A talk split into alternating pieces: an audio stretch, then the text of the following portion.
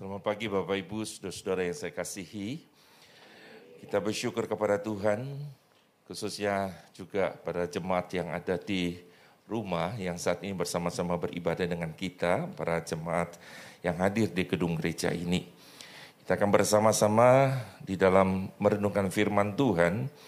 Saya ingin mengajak kita untuk memikirkan sebuah tema dalam kaitan penahlukan diri, tetapi dalam Kali ini saudara, saya kaitkan dalam respon kita terhadap anugerah Tuhan. Saudara mari kita bersama-sama kita berdoa. Tuhan saat ini kami tahu kalau kami boleh ada sampai saat ini. Dan bahkan Tuhan memberikan kami anugerah demi anugerah. Itu bukan karena kelebihan kami. Tapi semua karena kebaikanmu Tuhan. Tuhan saat ini kami ingin bersama-sama membaca dan merenungkan firman Tuhan. Berbicara kepada kami melalui hambamu di tengah segala keterbatasannya. Tuhan kami mohon Allah Roh Kudus, mari menerjemahkan firman-Mu dalam bahasa yang dapat dimengerti oleh setiap kami. Inilah doa kami Bapa dalam namamu Tuhan kami Yesus Kristus kami berdoa dan mengucap syukur.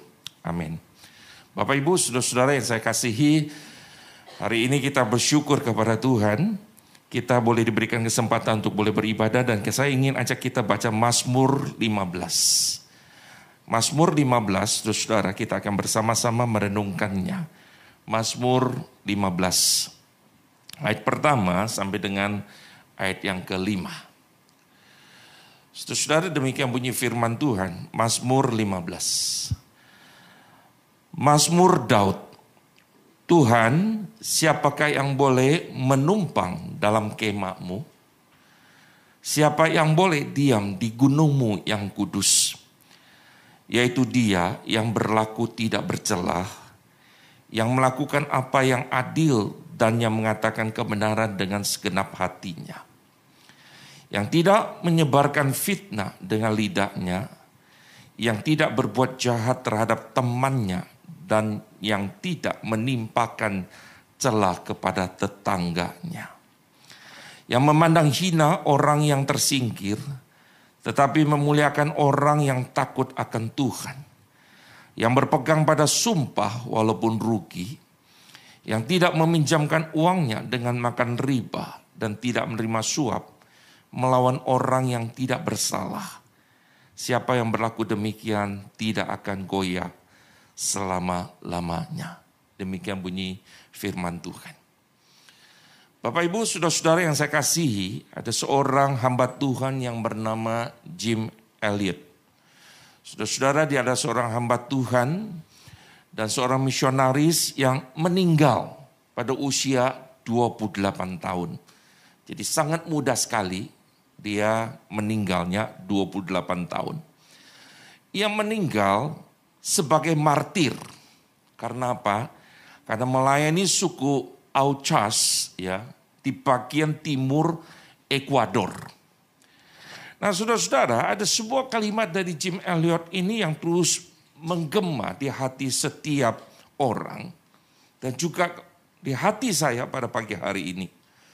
Saudara-saudara ada sebuah kalimat dia berkata begini. Sebelum dia meninggal dia berkata. He is not full who give what he cannot keep to gain that which he cannot lose. Saudara terjemahan bebasnya adalah kurang lebih dia bicara begini. Tidaklah bodoh orang yang memang memberikan apa yang tidak dapat dipertahankannya demi memperoleh apa yang tidak dapat dirampas darinya. Saudara-saudara terkadang kita tidak bisa memberikan respon dengan benar atas anugerah Allah. Saudara-saudara sering kali kita mempertahankan sesuatu yang menurut kita itu penting dan berharga. Tapi sebenarnya tidak. Dan juga saudara-saudara kita pun tidak bisa mempertahankannya. Tapi kadang kita mempertahankannya saudara. Tapi saudara orang yang tahu bahwa dia tidak bisa mempertahankannya. Buat apa dia mempertahankannya? Dia lebih rela berikan itu untuk mendapatkan sesuatu. Yang memang tidak akan hilang dari dirinya. Saudara-saudara ada banyak orang yang sebenarnya mengenal kata anugerah. Tapi saudara sedikit orang yang mengerti anugerah bukan? Bahkan lebih sedikit lagi orang yang berani memberikan respon tanggapan atas anugerah Allah. Perhatikan kalimat saya, saudara. Ada banyak orang yang tahu tentang anugerah. Tapi sudah-sudah sedikit orang mengerti anugerah. Bahkan lebih sedikit lagi orang yang berani memberikan tanggapan respon atas anugerah yang Allah berikan dalam hidupnya. Sudah hari ini ketika kita kembali beribadah di tempat ini secara hybrid. Saudara-saudara, kita bersyukur karena pertolongan Tuhan atas renovasi gedung gereja ini. Sudah saya ingin kita merenungkan Mazmur 15 ini. Karena Mazmur 15 ini adalah sebuah Mazmur yang sangat menarik untuk kita renungkan khususnya pada masa ini. Saudara, kenapa saya mengatakan sangat menarik untuk kita renungkan? Karena Mazmur ini mengajak kita untuk berani terbuka untuk mengevaluasi hidup kita di hadapan Tuhan. Terkadang saudara-saudara rutinitas yang kita jalani tidak lagi membuat kita menyadari betapa berharga dan sudah bersyukurnya kita atas anugerah Tuhan dalam hidup kita. Sudah hari ini saya ngajak kita berkumpul di tempat ini setelah mungkin dua tahun tempat ini tidak dipakai. Kita waktu itu sempat membuka secara hybrid di lantai tiga. Kita renovasi saudara. Hari ini saya yakin semua kita mengatakan bahwasanya kasih setia untuk selama-lamanya. Kita bersyukur kepada Tuhan. Tetapi saudara saya tidak ingin kita berhenti hanya pada ucapan syukur. Tapi saya ingin kita bersama-sama melangkah saudara. Kita tidak berhenti pada bersyukur. Tapi kita mau memberikan respon tanggapan yang benar terhadap anugerah Tuhan di dalam hidup kita. Saudara-saudara itu sebabnya kita melihat Mazmur 15 ini sangat menarik untuk kita renungkan. Yang pertama saudara-saudara bahwa sesungguhnya ketika kita membaca Mazmur 15 ini yang disampaikan oleh pemazmur ini bukanlah sebuah prasyarat. Maksudnya apa? Mungkin sudah bertanya. Saudara Mazmur ini bukanlah sebuah prasyarat agar ibadah kita diterima. Jadi seakan-akan bagaimana kita bisa diterima ibadah kita, apa yang harus kita lakukan ada prasyaratnya. Tapi justru pemazmur ingin mengajak kita untuk menyadari betapa kita tidak pernah layak untuk bisa menghampiri Allah jika Allah tidak berkenan untuk bertemu dengan kita. Saudara pemazmur ini mulai mazmurnya dengan sebuah pertanyaan untuk dirinya sendiri. Supaya ia sadar bahwa ia tuh tidak pernah bisa ke rumah Tuhan kalau Tuhan gak izinkan. Saudara. Ini penting saudara kita pahami ini. Saudara sangat menarik kalau saudara membaca Mazmur ini memakai sebuah kata. Yaitu menumpang. Tuhan Siapakah yang boleh menumpang dalam kemahmu? Saudara terjemahan yang lain memakai kata Tuhan siapakah bisa bertamu ke rumahmu Tuhan. Oh saudara-saudara saya lagi renungkan kata ini bertamu saudara. Sudah ada orang coba berpikir begini. Kalau tamu itu raja harus diperlakukan harus dilayani dengan baik. Saudara-saudara, makanya tidak heran kemudian kalau dengan pola berpikir itu kita berkata, Tuhan untung kalau aku boleh datang ke rumah Tuhan. Siapa yang untung? Tuhan bukan aku. Tapi tunggu dulu saudara. Engkau bertamu ke rumah siapa? Ini penting. Saudara, bisakah kita sembrono seenaknya kita untuk bertamu ke rumah presiden kita? Saudara, saya pikir tidak bisa. Saudara lepaskan segala urusan protokol ketika bicara tentang hati. Kalau jika hati kita benar, maka kita nggak berani sembrono. Karena apa? Kita rasa kita hormat kepada siapa? Tuan rumah. Kita hormat kepada Tuhan kita.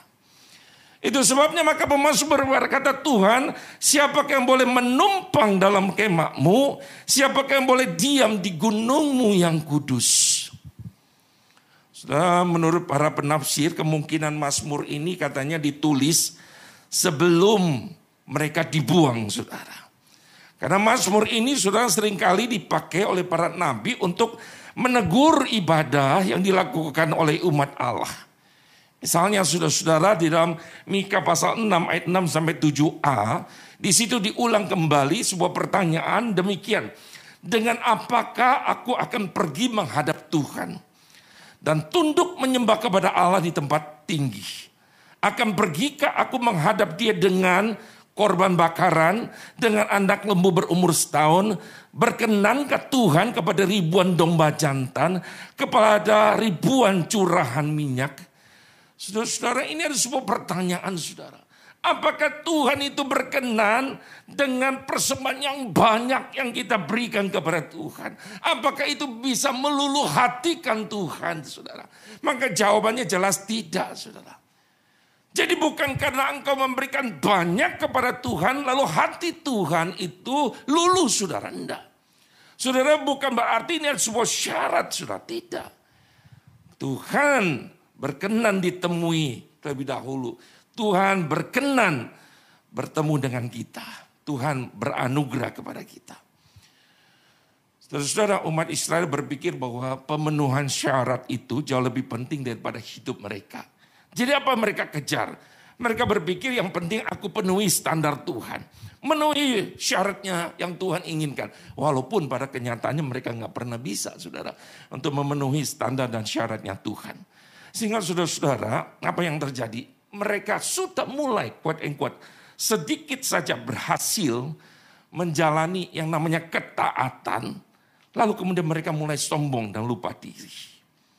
Saudara itu sebabnya maka saya mengatakan bahwa agama itu saudara, itu sering kali memberikan peluang kepada orang menjadi sombong. Saudara kekristenan itu bukan sekedar agama. Karena agama itu sudah ada sebuah tuntutan-tuntutan. Kalau engkau sudah penuhi tuntutan ini, berarti engkau sudah naik kelas. Dan orang merasa begini, aku bisa memenuhi tuntutan ini. Jadi mulai merasa sombong. Itu yang terjadi saudara-saudara pada ahli Taurat dan orang Farisi. Saudara mereka merasa bahwa mereka sudah naik kelas karena mereka sudah memberi perpuluhan. Mereka sudah melakukan apa yang Tuhan inginkan. Mereka berpuasa, mereka berdoa. Sehingga mereka merasa bahwa kerohanian mereka semakin naik. Dan mereka mulai bisa menyombongkan diri mereka. Sehingga tidak heran. Di dalam Injil Lukas 19 ayat 9 sampai 14 kita bisa melihat. Doa orang Farisi. Mereka bersifat melaporkan kesalehan yang mereka kerjakan. Tuhan aku sudah begini. Tuhan aku sudah begini. Tuhan aku sudah begini. Saudara-saudara, bukan itu yang Tuhan mau. Saudara-saudara, Pastor Tony Yeo, seorang gembala sidang dari Covenant Evangelical Free Church Singapura. Dalam bukunya Leading Beyond the Second Chair, dia berkata begini, sudah. Menurut pendapat saya, orang yang paling berbahaya dalam gereja apa pun itu bukanlah orang yang belum percaya. Yang tidak lancar membicarakan bahasa Alkitab tapi yang ahli menghafal bahasa Alkitabiah karena ia berpikir ia adalah Tuhan tahu segalanya atau sebutan lainnya Tuhan yang tahu lebih banyak dari Anda. Sudah-sudah saya waktu baca ini ini menegur kita para pemimpin untuk menyadari bahwa sesungguhnya kita itu tidak pernah lagi kita hanya alat yang dipakai oleh Tuhan. Sudah kehidupan orang percaya itu dimulai dengan anugerah. Dijalani dengan anugerah. Diakhiri dengan anugerah. Itu sebabnya saya berkata bahwa Kristen lebih dari sekedar sebuah agama. Anugerah Allah itu akan menuntun kita, kesadaran anugerah Allah akan membawa kita semakin rendah hati dan sebenarnya kita tahu diri kita, saudara. Ini penting. Lalu kemudian saudara-saudara yang sangat menarik tahun lalu. Ada seorang rekan pendeta kita yang dari sinode GKBJ yang terkena COVID. Lalu dia bercerita dengan saya. Dia berkata, Musa pada saat saya ikut ibadah online yang diselenggarakan di GKBJ Kelapa Kating. Dan khususnya dalam perjamuan kudus. Waktu itu saya meneteskan air mata. Dan di situlah saya baru sadar bahwa kalau saya bisa beribadah, kalau saya bisa melayani, kalau saya bisa memimpin perjamuan kudus, terus mata-mata karena anugerah Allah, karena Tuhan berkenan. Bukan karena notabene saya seorang pendeta, seorang yang punya jabatan rohani. Saudara-saudara, kita bisa beribadah hari ini. Kita bisa melayani itu karena anugerah Tuhan, saudara. Karena sebuah kepercayaan. Sudah penting sekali. Jadi bukan karena ini sebuah prasyarat kita sudah penuhi. Lalu kemudian kita mengatakan aku layak untuk mendapatkannya. No. Tapi yang kedua Mazmur ini mengajarkan kita apa saudara? Yaitu bagaimana kita berespon atau memberi tanggapan yang benar atas anugerah Allah. So perhatikan, jika kita tidak hati-hati baca Mazmur 15 ini, maka kita akan jatuh pada pemahaman ahli-ahli Taurat dan orang Farisi yang melihat saudara, aturan-aturan agama sebagai syarat untuk masuk dalam kerajaan Allah. Saudara saya sangat setuju dengan penafsir yang berkata begini, Mazmur ini dikatakan it is a picture not prescription. Saudara dia berkata bahwa ini adalah sebuah gambaran, bukan resep saudara. Saudara artinya saudara bukan karena kita dikatakan sudah melakukan A, B, C, D. Ini, ini resepnya, ini syaratnya. Lalu kemudian ini kita bisa masuk dalam kerajaan Allah. Enggak. Tapi ini ada sebuah picture. Sebuah gambaran seharusnya. Orang yang sudah mengalami anugerah Tuhan itu bagaimana hidupnya itu digambarkan jelas di ayat-ayat berikutnya. Jadi bukan karena ini ada sebuah resep, prescription, tapi ini merupakan sebuah picture, gambar yang semestinya. Kita harus berjuang dengan anugerah pertolongan Tuhan di dalam menanggapi anugerah Tuhan itu. Kualitas yang harus dimiliki. Saudara-saudara kualitas yang bagaimana sih menanggapi anugerah Allah itu? Saudara pada pagi ini kita akan melihat ayat 2, 3, 4, 5. Ada empat hal yang digambarkan saudara. Orang yang menanggapi anugerah Tuhan itu apa yang harus dilakukan? Yang pertama saudara. Dikatakan bahwa ia akan mengatakan kebenaran. Jadi kita tidak hanya berhenti sudah bersyukur tapi kita harus menanggapi anugerah Tuhan. Bagaimana sebenarnya gambar orang menanggapi anugerah Tuhan? Orang itu mengatakan kebenaran. Dalam ayat yang kedua dari Mazmur 15 dikatakan begini. Dia yang berlaku tidak bercelah. Yang melakukan apa yang adil. Dan yang mengatakan kebenaran dengan apa saudara? Dengan segenap hatinya. Sudah mengatakan kebenaran tanpa ada tekanan dan kepentingan itu mudah. Misalnya sudah-sudah di gereja sebagai worship leader kita bisa di atas mimbar ini mengatakan kebenaran. Sebagai hamba Tuhan dan majelis kita mengatakan kebenaran di atas mimbar ini gampang. Tapi berbeda saudara-saudara pada saat di masyarakat. Di tengah tekanan, apakah kita bisa mengatakan kebenaran? Saudara kebenaran itu mahal. Tuhan ingin kita yang sadar akan anugerah Allah berani mengatakan kebenaran sekalipun tidak populer saudara. Tuhan Yesus harus mengatakan kebenaran sekalipun harga yang harus dibayar itu mahal. Ia ditinggalkan oleh pengikutnya. Ia disalibkan oleh para pemimpin rohani yang ia cintai saudara. Ia ditinggalkan saudara satu persatu. Tapi Yesus harus mengatakan kebenaran. Sudah berapa tahun yang lalu di Chicago. Seorang manajer bisbol itu kalah dalam sebuah pertandingan karena ia mengutarakan bahwa pemainnya yang berhasil main home run tetapi tidak menginjak di base ketiga. Saudara-saudara, wasit tidak lihat itu. Tetapi kemudian manajer ini datang dan mengaku bahwa sesungguhnya pemainnya itu tidak menginjak di base ketiga. Saudara-saudara itu sebabnya dia mengatakan ini tidak sah kemenangannya. Dan akhirnya kemenangannya dieliminasi saudara. Saudara-saudara mengatakan bodoh. Tapi itulah anak Tuhan. Kebenaran ada kebenaran, kejujuran itu mahal, dan itu tidak bisa ditawar. Sudah suatu hari saya lagi duduk makan bersama dengan anak saya. Saya tanya, ujiannya bagaimana? Saya tanya, kamu dapat nilai berapa? 60 pi. saya kaget, 60. Kok di bawah standar? Sebenarnya memang sulit ujiannya. Teman kamu dapat berapa? Ada yang dapat 90 pi, ada yang dapat 100. Saya bilang, Tuhan aku bodoh kayaknya ya. Kenapa? Kok dapatnya 60? Sudah mulai dalam hati saya ada pikiran-pikiran saudara, nggak benar. Lalu saya bilang, kamu nggak belajar? Dia bilang, saya belajar, Bi. Tapi kok kenapa ada temanmu dapat 90, dapat 100 kan berarti mereka juga belajar kan pasti harus kamu bisa seperti mereka. Terus dilihat saya dia bilang, "Pi, jujur ya mereka dapat 90 100 pada nyontek." Lalu dia bilang, "Kan ngapain Pi kita nyontek tuh dapat nilai tinggi?" Sudah langsung perspektif saya berubah, Saudara, terhadap dia. Dan saya bilang benar, Nah kita nggak boleh halalkan segala cara untuk mendapatkan apa yang kita mau. Tapi kita harus belajar sungguh-sungguh. Saudara-saudara, kebenaran itu mahal. Kita yang sudah mengalami anugerah Tuhan, bagaimana respon kita, saudara? Bisakah kita, saudara-saudara, melakukan dan mengatakan kebenaran?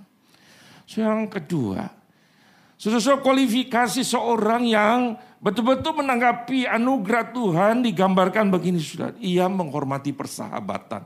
Sudah apa kaitannya sudah kalau kita lihat.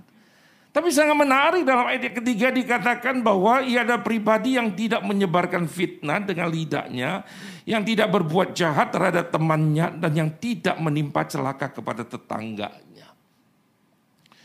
Sudah kualitas seorang yang mengalami anugerah Tuhan, dia tidak akan memperlakukan orang lain itu rendah. Ia akan menghargai mereka sebagai ciptaan yang Allah kasihi. Ia akan melihat pribadi-pribadi yang Tuhan tempatkan sekitarnya sebagai ciptaan Allah yang serupa dan segambar dengan dia. Saudara, ia bukanlah pribadi yang melakukan kecurangan terhadap temannya, saudara. Ia bukan pribadi yang mencari keuntungan diri sendiri dan mengorbankan sesamanya, saudara.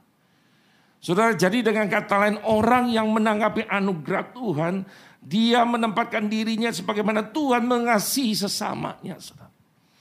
Orang yang sudah hidup dalam anugerah, saudara tidak akan mencari keuntungan untuk dirinya sendiri. Saudara-saudara, ia bukan Yudas yang demi 30 keping perak dia mau menjual Tuhan Yesus. Saudara-saudara, hari ini kita diingatkan. Dia adalah pribadi yang menghormati persahabatan. Dia menghargai anak-anak Tuhan, saudara. Saudara yang ketiga digambarkan, saudara. Bahwa ia adalah pribadi yang menjaga komitmen. Orang yang menanggapi anugerah Tuhan adalah orang yang berpegang pada komitmen. Di dalam ayat keempat pemazmur berkata bahwa dia adalah pribadi yang berpegang pada sumpah walaupun rugi saudara. Saudara-saudara Tuhan Yesus melarang umatnya untuk melakukan sumpah. Dalam Injil Matius dikatakan janganlah sekali-kali bersumpah. Jika iya hendaklah kamu katakan ya. Jika tidak hendaklah kamu katakan tidak. Apa yang lebih daripada itu berasal dari jahat. Semungkin Bapak Ibu saudara-saudara bertanya kepada saya. Kalau demikian kenapa pemazmur berkata orang itu berpegang pada sumpah walaupun rugi. Saudara kata sumpah dan perjanjian lama itu mengandung arti keseriusan dan mengikatkan dirinya pada apa yang dia katakan. Kita lihat misalnya Mazmur 119 ayat 106.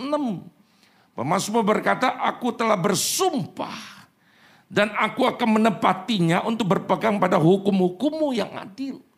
Jadi pada waktu pemasmur mengatakan bersumpah, dia mengatakan dia mengikatkan dirinya pada apa yang dia katakan saudara. Jadi saudara-saudara pemasmur ini mengatakan kepada kita bahwa kualitas orang yang menanggapi anugerah Tuhan, ia bukan orang yang sembarangan dalam kata-katanya. Ya bukan orang sembarangan berkomitmen mengucapkannya, tapi saudara dia tidak melakukannya. Dia bukan orang sembarangan bernazar, berjanji tetapi tidak menepatinya. Saudara respon orang yang menanggapi anugerah Allah tidak mudah berkata-kata mengumbar janji. Ia serius dalam hal pernikahannya. Dia serius dalam perkataannya. Dia serius dalam keluarganya. Dia serius dalam pelayanannya. Dia serius di dalam pekerjaannya. Orang yang berpegang pada komitmen adalah orang yang betul-betul ingin menanggapi anugerah Allah dengan serius. Saudara yang keempat, gambaran orang menanggapi anugerah Tuhan itu seperti apa? Sudah saya pikir dalam beberapa hari ketika baca Mazmur 15 ini. Saudara-saudara sangat menarik dikatakan bahwa ia adalah orang yang tidak dapat dijual. Maksudnya apa saudara? So perhatikan di dalam ayat yang kelima. Tidak menerima suap melawan orang yang tak bersalah. Saudara-saudara pemeo dikatakan semua orang itu bisa dibeli dengan uang. Tapi apakah kita orang yang sudah mengalami anugerah Tuhan adalah orang yang bisa dibeli dengan uang saudara? Amsal 23 23 berkata, "Belilah kebenaran dan jangan menjualnya."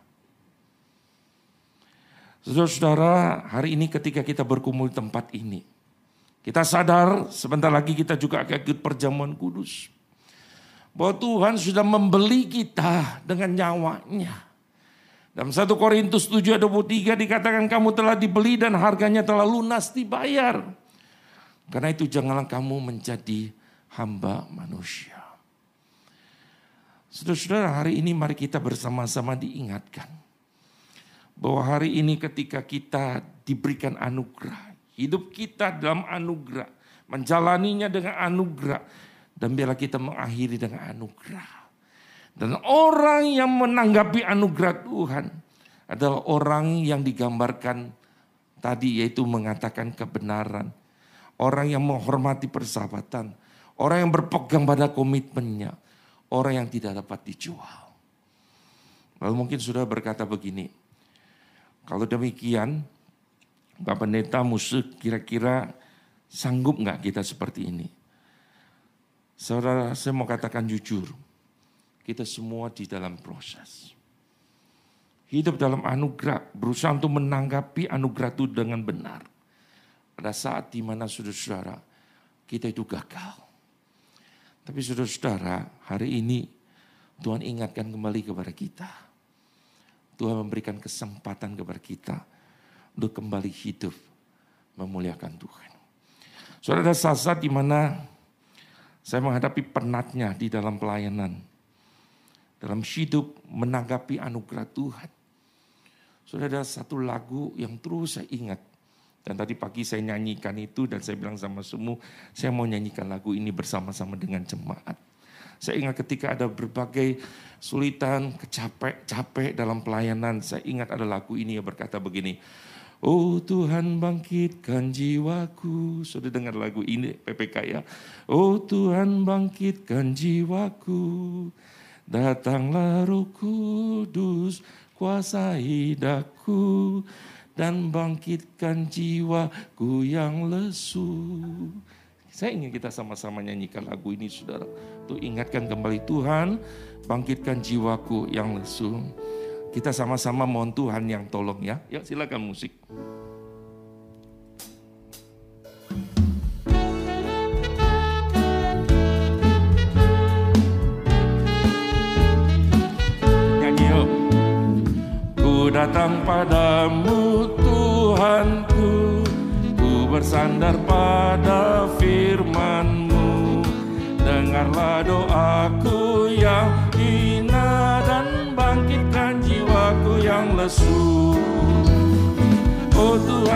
Bangkitkan jiwaku. Oh Tuhan bangkitkan jiwaku. Datanglah roh kudus kuasai daku dan bangkitkan jiwaku yang lesu. Ayat kedua, berilah rohmu dalam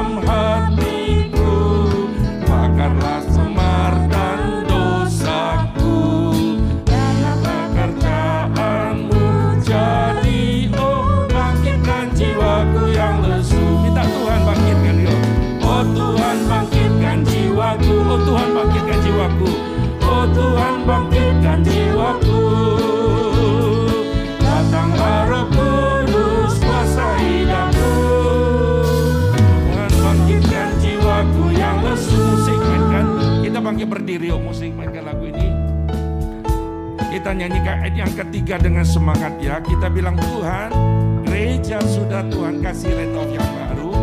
Saya ingin menanggapi anugerah Tuhan dengan serius. Tuhan bangkitkan jiwaku yang lesu. Bangkitkanlah aku ya Tuhan,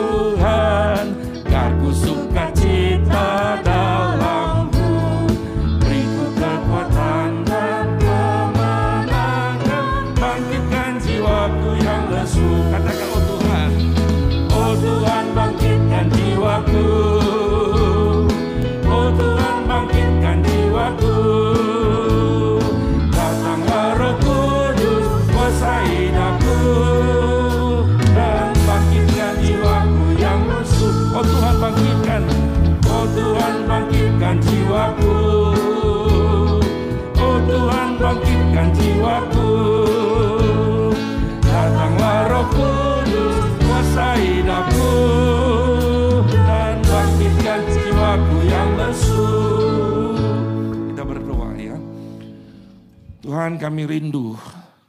Tuhan bangkitkan jiwa kami. Mungkin ada letih lesu, penat karena pandemi Tuhan. Tapi Tuhan kami rindu. Kalau hari ini kami boleh ke rumah Tuhan. Kami tahu bukan karena kekuatan kami. Itu karena Tuhan kau beranugerah. Tuhan ketika kami bertanya, siapakah yang boleh bertamu ke rumahmu Tuhan. Tuhan bukan karena kehebatan kami, tapi semata-mata karena anugerah Tuhan. Dan Tuhan tolong kami menanggapi anugerah Tuhan dengan hidup yang seperti dituliskan oleh pemazmur. Bapak tolong kami ketika di tengah situasi kondisi membuat hidup kami penat. Kami rindu Tuhan. Bangkitkan jiwa kami Tuhan. Bangkitkan jiwa kami, datanglah roh kudus. Kuasai hati kami, kuasai pikiran kami, agar kami bangkit hidup dalam menanggapi anugerah Tuhan dengan benar. Terima kasih Bapak dengar doa kami. Dalam namamu Tuhan kami Yesus Kristus kami berdoa dan bersyukur. Amin. Silakan duduk Bapak Ibu Saudara-saudara.